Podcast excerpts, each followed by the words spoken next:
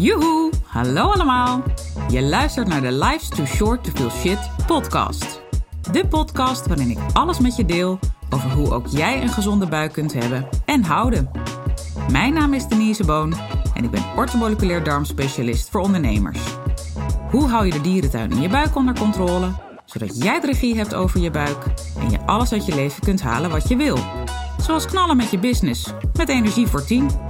Ik neem je mee op reis, want let's face it, life's too short to feel shit. Yes, aflevering 79, waarin we het gaan hebben over jeuk. En uh, ik weet niet of je het hoort, maar ik heb een uh, kacheltje hier aanstaan. En die maakt, vind ik, best wat lawaai. Maar ik deed net een um, soort soundtest, zeg maar. Dat doe ik altijd voordat ik uh, ga blaren in die microfoon. En toen hoorde ik hem niet, dus ik hoop dat jij hem ook niet hoort. Uh, en gelukkig heb ik weer mijn oude vertrouwde microfoon in mijn hand. En heb ik geen Italiaanse kinderen meer op de achtergrond die kunnen binnenlopen of langskomen, beter gezegd. Want my oh my, uh, ik heb eventjes een uh, verschil in cultuur gemerkt daar. Los van dat ieder mens natuurlijk anders gaat met de opvoeding. Maar hier bespeurde ik toch wel een behoorlijke trend bij meerdere gezinnen. Anyway, daar gaan we het nu niet over hebben. Uh, krijg ik trouwens wel spontaan jeuk van, maar dat even terzijde. Nee, dat is heel flauw. Uh, want we gaan het hebben over uh, jeuk en dat is een heel serieus onderwerp. Want het is ongelooflijk vervelend, en dan druk ik me heel zacht uit, om jeuk te hebben. En zeker om dat de hele dag door te pas en te onpas uh, eigenlijk met je mee te dragen. Het kan ook echt voelen als um, nou, op eierschalen lopen. Want het kan in één keer oppoppen en uh, ook in één keer weggaan. Maar meestal duurt dat laatste het langste en is dat heel lastig. En weet je ook niet altijd goed wat je moet doen om er vanaf te komen. En de vraag is natuurlijk, wat veroorzaakt de jeuk?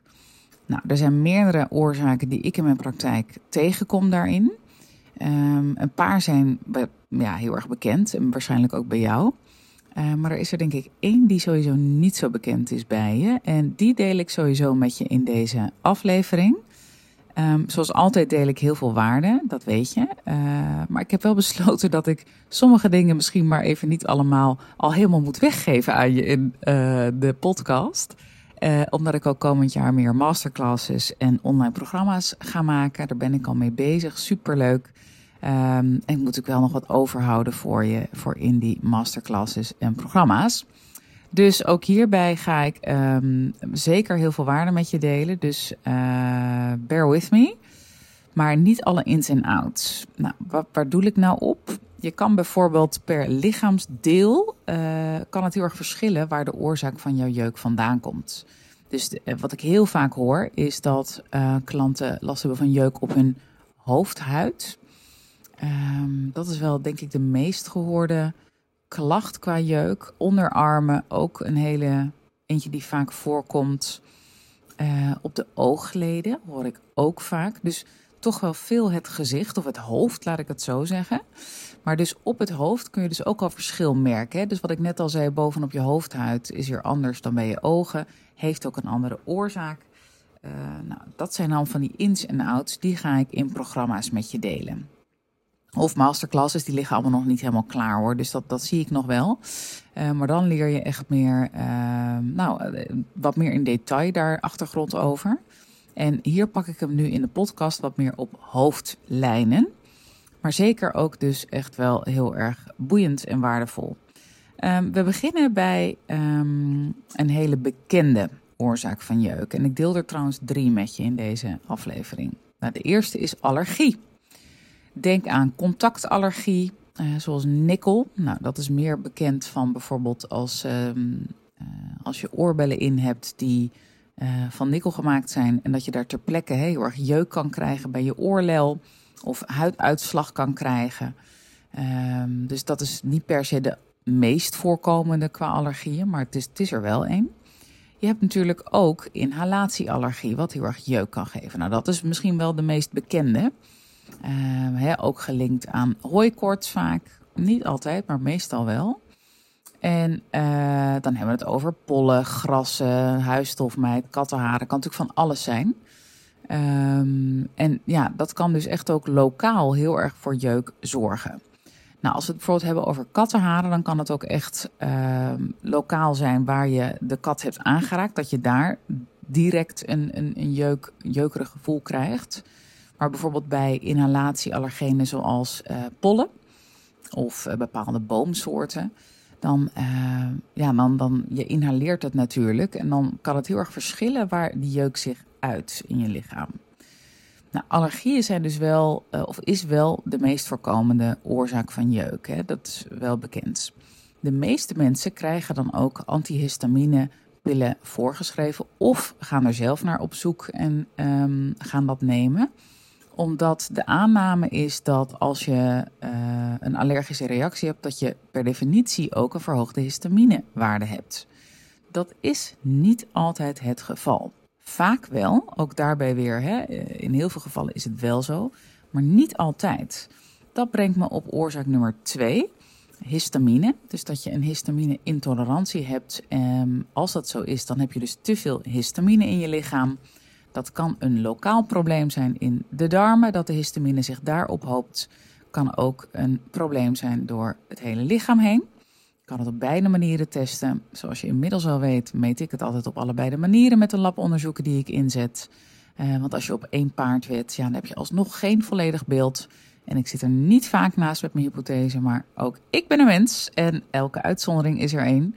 Ehm, en ik heb toch al best wel regelmatig, laat ik niet zeggen vaak, want dat is overdreven, maar wel regelmatig de uitzondering gezien dat de histamine toch, nou bijvoorbeeld bij een opgeblazen buik, hè, dat, die, dat ik dacht, nou dan zal die zeker in de ontlasting verhoogd zijn, maar dan was hij door het hele lichaam verhoogd. En andersom, bij allergie is de kans groter dat hij door het hele lichaam verhoogd is, maar bleek die bij sommige klanten toch in de darm verhoogd te zijn zo zie je maar, uh, ik wed niet op één paard en ik wil het zeker weten, dus daarom meet ik het allebei. En dat is ook precies de reden, dat heb je maar als je een trouwe luisteraar bent ook al vaker horen zeggen, dat wat ik net al even zei, hè, dat als je een uh, verhoogde allergische activiteit hebt, dat is trouwens een IgE-reactie, meetbaar in bloed, um, dan uh, kan het dus zijn dat je histaminewaarde verhoogd is, maar dat hoeft dus niet. Ook daar heb ik meerdere uitzonderingen al gezien. De crux daarvoor, in ieder geval voor een groot deel, ligt bij oorzaak nummer 3, die ik zo met je ga delen. Dus ik hou nog even de spanning erin, bear with me.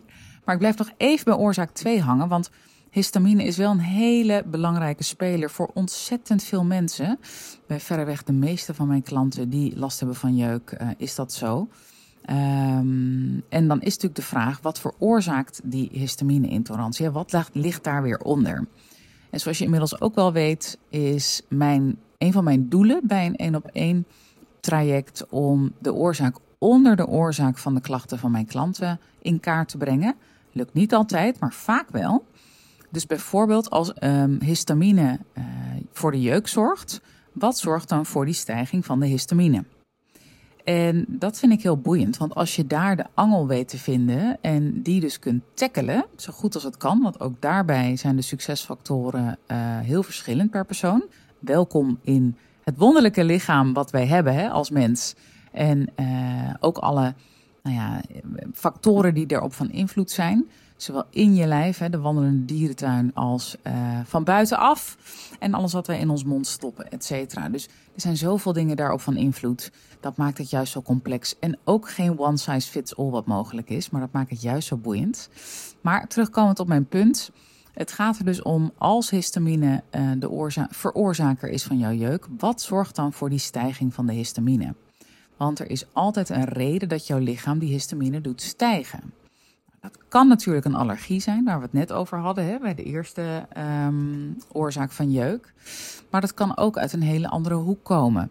Nou, daarover uh, raad ik je aan om uh, een andere podcast van mij te beluisteren over histamine en histamine-intolerantie. Ik weet niet uit mijn hoofd welke dat is. Ik dacht ergens in de 60, maar bear with me.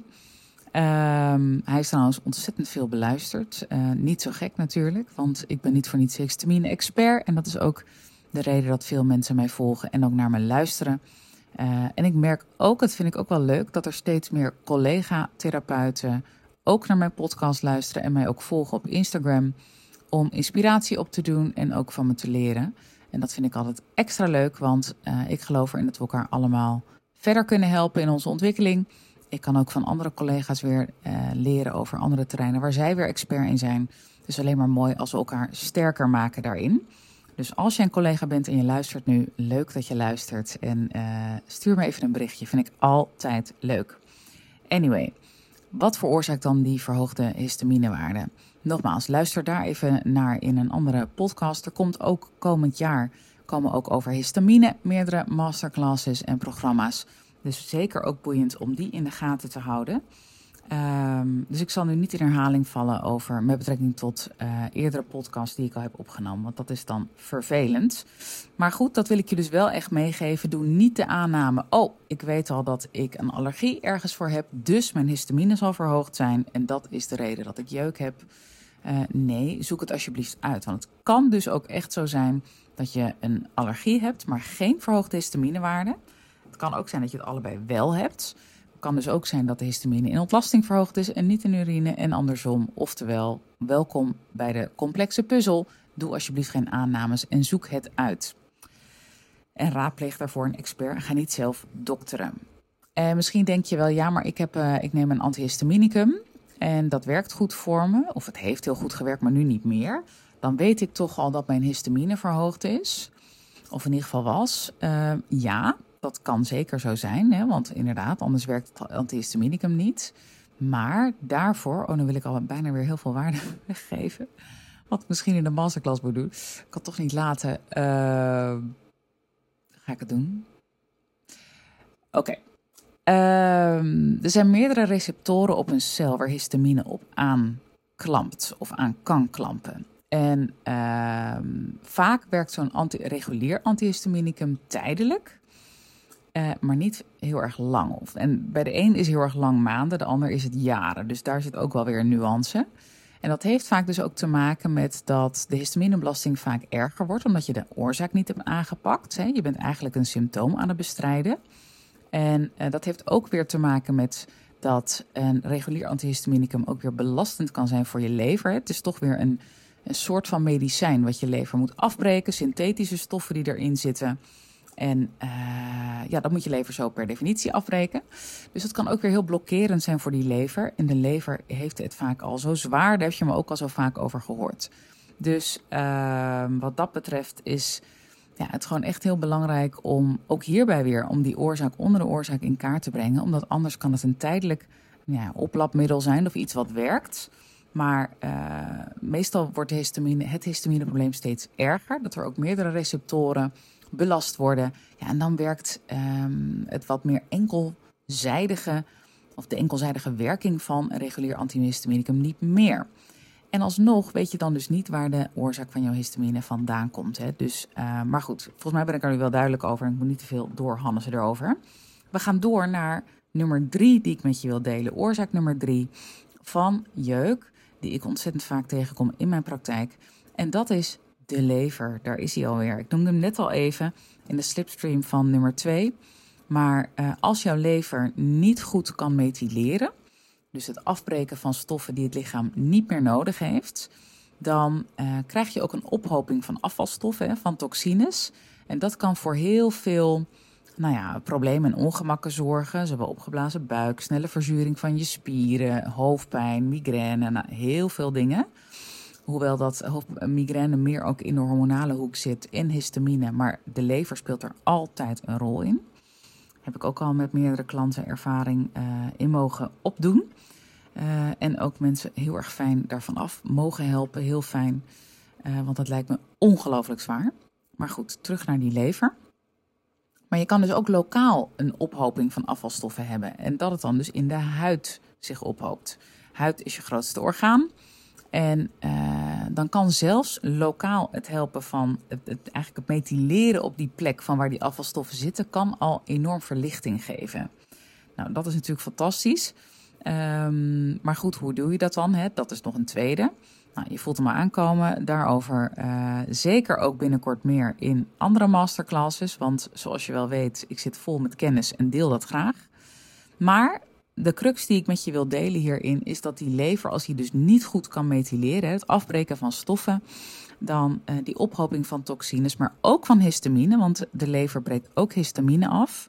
Nou, en vaak is het een double whammy, hè, dus allebei de kanten van het spectrum. En die zorgen dan voor 1 en 1 is 3.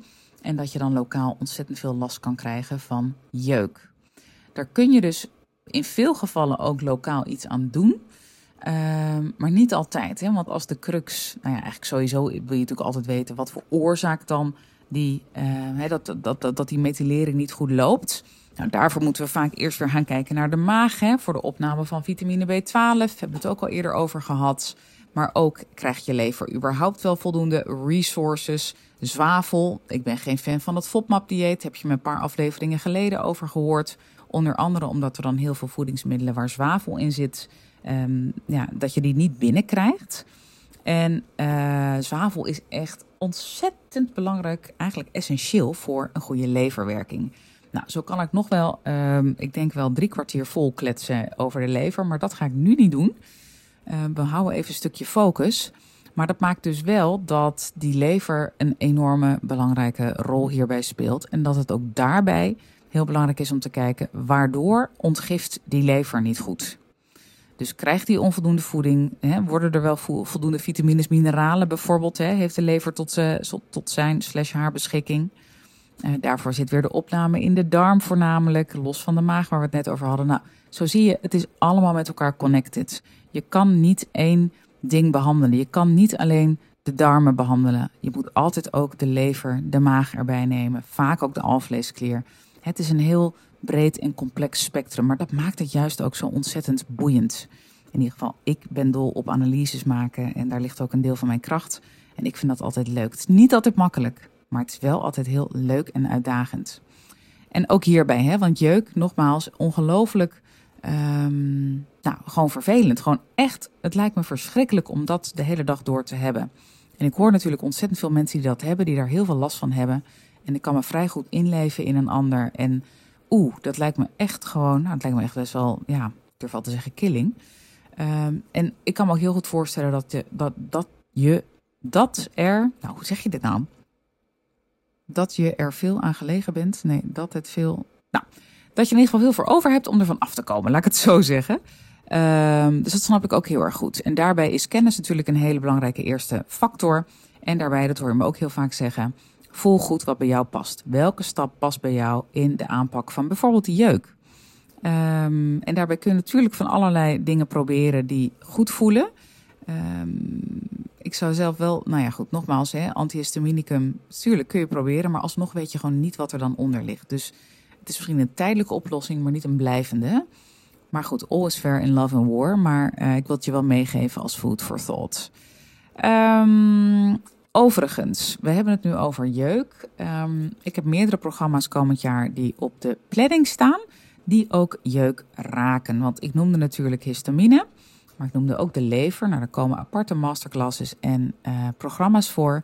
En daarbij gaan we ook kijken naar hoe je dan lokaal die methylering op de huid bijvoorbeeld kunt helpen een handje.